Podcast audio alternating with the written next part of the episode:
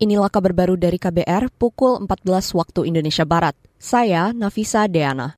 Wakil Presiden Maruf Amin meminta industri keuangan syariah di Kalimantan Timur dikembangkan. Pesan ini disampaikan Wapres saat pengukuhan Komite Daerah Ekonomi dan Keuangan Syariah KDEKS Kalimantan Timur di Samarinda hari ini.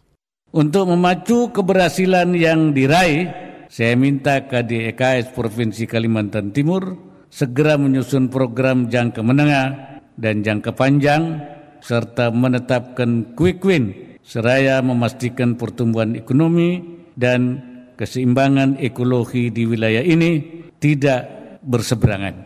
Wakil Presiden Maruf Amin meminta KDEKS Kaltim memprioritaskan pengembangan ekosistem rantai nilai halal, salah satunya dengan memfasilitasi sertifikasi halal bagi UMKM. Pada sektor jasa keuangan syariah, Wapres yakin keberadaan Ibu Kota Nusantara IKN akan meningkatkan arus perputaran uang di Kalimantan Timur. Dia meminta lembaga keuangan syariah mengambil peran strategis dan bisa menangkap peluang. Beralih ke informasi lain, Saudara, aparat penegak hukum diminta tidak mudah memidanakan atau mengkriminalisasi pengkritik pemerintah.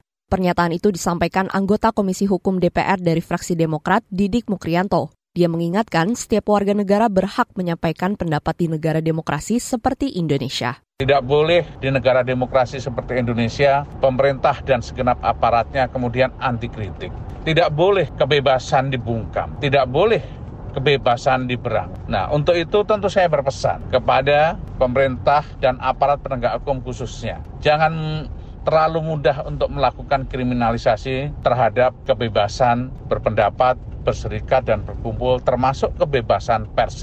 Anggota Komisi Hukum DPR Didik Mukrianto mengatakan kritik juga harus disertai dengan fakta. Dia mengimbau semua pihak menyampaikan kritik dengan santun dan tidak menjatuhkan orang lain.